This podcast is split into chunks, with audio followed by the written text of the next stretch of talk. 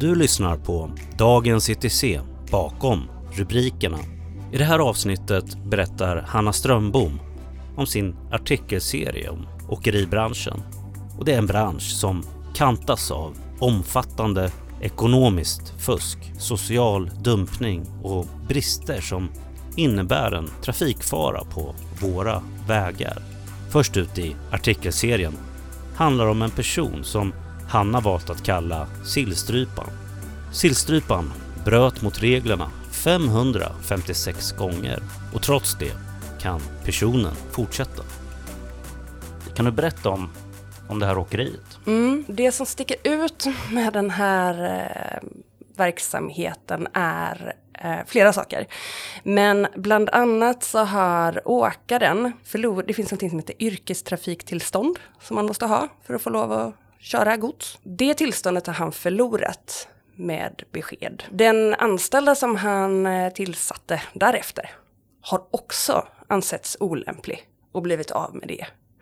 Och tredje person blev då åkarens syster som fortfarande har det här tillståndet. Hur kommer det sig att uh, de, han har förlorat det här tillståndet? Då? Han har ansetts olämplig och det kommer sig av att han har eh, Eh, det är nästan svårt att veta var man ska börja. det finns otroligt eh, många eh, papper från olika rättsinstanser som gäller eh, brott mot ehm, alltså trafikrelaterade brott och också brott mot kör och vilotidsregler. Det låter ju inte så jätteskojigt kanske. Men om man översätter det till att man har chaufförer i väldigt tunga fordon som kör eh, många fler timmar än vad man får. Då mm. börjar det bli trafikfarligt.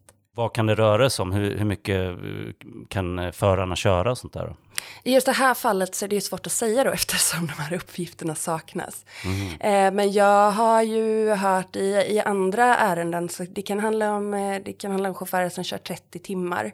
30 timmar eh, i, i sträck? Ja. Oj. Eh, det är möjligt att de kanske har någon paus emellan men man har liksom ingen dygnsvila. Mm. Ett exempel som jag tycker är talande är en person som jobbar på polisen som berättar för mig hur man, man kan liksom se att man kan köpa norsk nyfångad lax i Köpenhamn. Den kommer ju med lastbil och för att den ska hinna räknas som färsk så måste du köra den sträckan eh, snabbare än vad som är lagligt. Och man kör ju med en chaufför. Så då finns det en massor med tricks när man byter kort i apparaten som ska hålla ordning på det där. Eller så tar man amfetamin. Mm. Till exempel. Du, då sa du att de byter kort. Registreras det då som två förare fast egentligen är det bara en då? Eller? Exakt. Och allting går ju ut på att pressa priset. Det är det det handlar om. Eh, och i den ekvationen så, så slutar det med att det som man pressar ner är ju vad liksom, eh, personalen får kosta.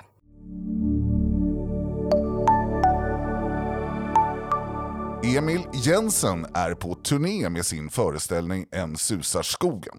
Den 6 juli cyklar han till ETC Solpark i Katrineholm. Dessutom föreläser Johan Ehrenberg och det blir en rundvandring i parken och mycket mer. Se hela schemat på etcsolpark.se. Vi ses!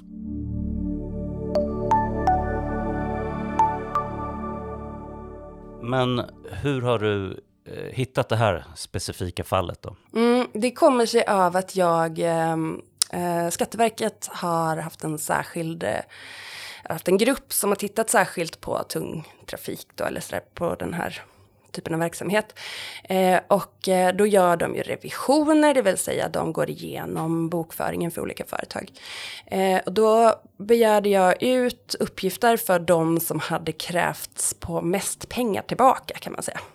Och bland dem fanns det två företag som kopplades till samma person. Och det var då denna. Så att han har ju varit under förra året en av de eh, som har kritiserats hårdast kan man väl översätta det till eh, i Sverige. Men i de här revisionerna står ju eh, på Skatteverket svenska ganska brutala dissar av räknekunskaper. Eh, att det saknas helt underlag för en massa saker som det ska bygga på. Eh, och eh, att det verkar inte troligt att åtta personer har delat på en bil. Eller att någon skulle vilja köra för bara traktamente och ingen lön. Men det går egentligen ut på att man vill komma undan arbetsgivaravgift. Hur, hur är det då med våra myndigheter? Hur, hur, bra koll har de egentligen på det här? Är det här liksom ett speciellt fall eller finns det ett stort mörkertal? Det finns ett väldigt, väldigt stort mörkertal.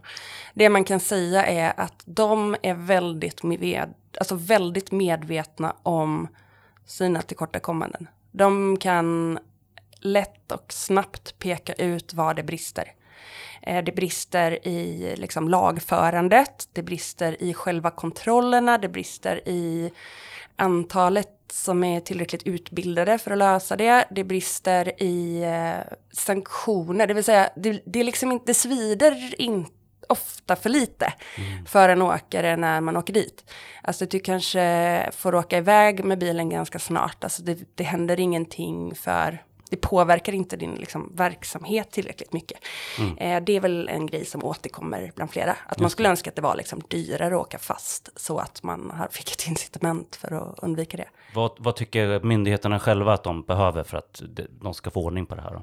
Det finns en diskussion om att ha en gemensam myndighet som vänder sig till den här typen av branscher. Och det har just att göra med att vi har ju något som man gärna vill kalla för stuprör lite grann. Att en myndighet får bara göra en sak. Eh, och på vissa ställen har liksom sekretessen myndigheter emellan satt gropen för det hela. Eh, på andra så kan det handla om att man kanske inte Ja, men man har inga gemensamma register och så, för det har vi lagar emot. Eh, men ibland kan det också vara så att eh, säg att ett eh, brott, ja, säg drograttfylla måste det räknas som grovt för att du ska få stanna en förare.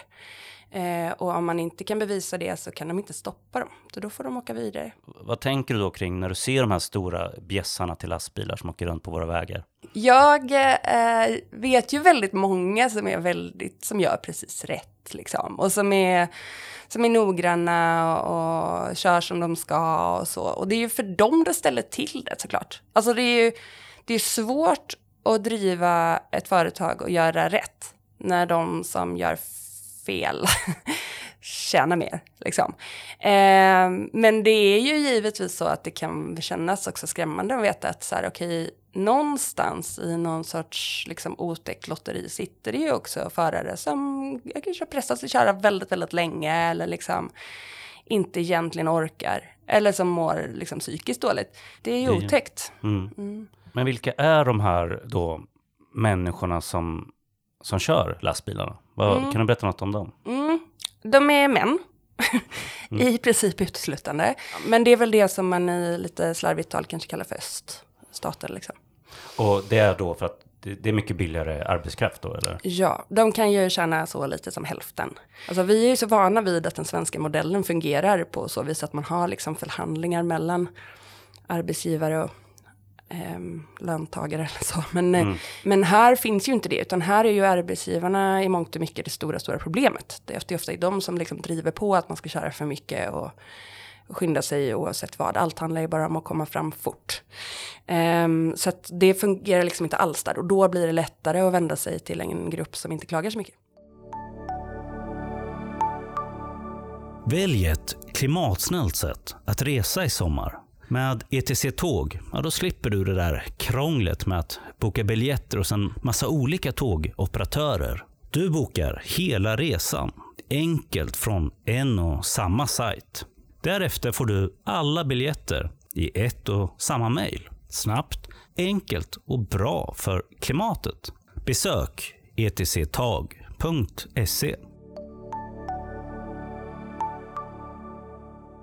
Man skapar en, en arbetsgrupp eh, som är liksom bokstavligt talat mindre värd, som, inte, som man gör allt för att undanhålla från liksom regelverken. Eh, som man på alla möjliga sätt försöker att inte få liksom ge tillgång till det som svenska chaufförer eh, har rätt till. Vad kan man då göra som eh, till exempel konsument, kan vi göra någonting liksom, eh, mm. för att förbättra situationen? Eller? Det är ganska svårt att själv kontrollera. Eh, för även myndigheterna har rätt så svårt att följa de här kedjorna, alltså den här fraktkedjan. Ehm, det kan vara så till exempel att ehm, det finns ett exempel på hur eh, Postnord får en, ett uppdrag som sen går vidare till ett annat svenskt åkeri som lägger det på åkarens frus utländska firma mm. som, sen, som sen skickar bilar och eh, de här chaufförerna fick inte lön, eh, fick ingen vit lön, utan de fick liksom swishade pengar efter att de hade varvat utlandet, för då röjer man de spåren. Och inget av det här, alltså att, att sälja vidare en frakt är inte så konstigt, och särskilt inte om man tittar på alla den här, det har blivit väldigt poppis med liksom fri frakt. Det. Eh, det måste inte innebära att det är så här illa. Men eh, det är ju ett sätt att, eh, det, är, det är en del av varför de här liksom, prispressen. Mm. Um, så det är svårt att själv följa de här kedjorna, men man, dels kan man såklart uh, förespråka mer kontroller av branschen, men man borde också kanske ställa lite krav på framförallt stora aktörer. Det är många e-handelsföretag och sådär idag som är väldigt, väldigt stora. Eh, och de kan man ju kanske som konsument kräva ett visst ansvar för att de vet mer än den första ledet i kedjan om vem som faktiskt levererar det. det. man har beställt. Det är en uh, artikelserie. Kan du berätta lite om vad kan vi läsa härnäst? Ja, men Eh, den andra delen kom, där får man träffa den här eh, rumänska föraren som vi har fått lov att hälsa på i hans hytt i Sverige. Där vi har fått gå igenom hans eh, kontrakt hos hans tidigare arbetsgivare. Och då har man ju liksom satt i system att, eh, att faktiskt lura chaufförer. Att man får dem att skriva på villkor som inte men som inte är, som är regelvidriga, liksom, som i praktiken blir en form av slavkontrakt. Eh, och också en eh, rumänsk fackföreträdare, en spännande person som eh, blev fackboss för rumänska lastbilschaufförer, fast hon egentligen var en HR-kvinna. Det handlar också om att det finns liksom, nya regelverk som just har eh, trätt i kraft från eh, EU. Eh, som i teorin ska styra upp mycket av det här, men EU har inga kontrollanter. Utan då är man ju tillbaka till det här som vi har börjat mm, reda okay. till saknas kontroller. Så ja. tanken är god, men eh, frågan är hur det ska genomföras. Och sen den sista delen handlar ju om eh, egentligen det som jag också har Alltså, det handlar om polisen och Tullverket till stor del. Eh, och om hur man vet att det finns eh, mycket som man inte kommer åt. Och eh, sen eh, får vi eh, prata med en väldigt engagerad eh, inspektör inom polisen. Just det. Mm. Okej, ska vi säga så? Vi säger så. Ja. Tack. Tack så jättemycket. Och tack för att du har lyssnat på dagens ETC bakom rubrikerna. Hanna Strömboms artikelserie kan du läsa på etc.se. Länk till livsfarliga lastbilar fortsätter rulla finns i avsnittsbeskrivningen. Glöm inte att prenumerera på podden i din poddapp. På återhörande.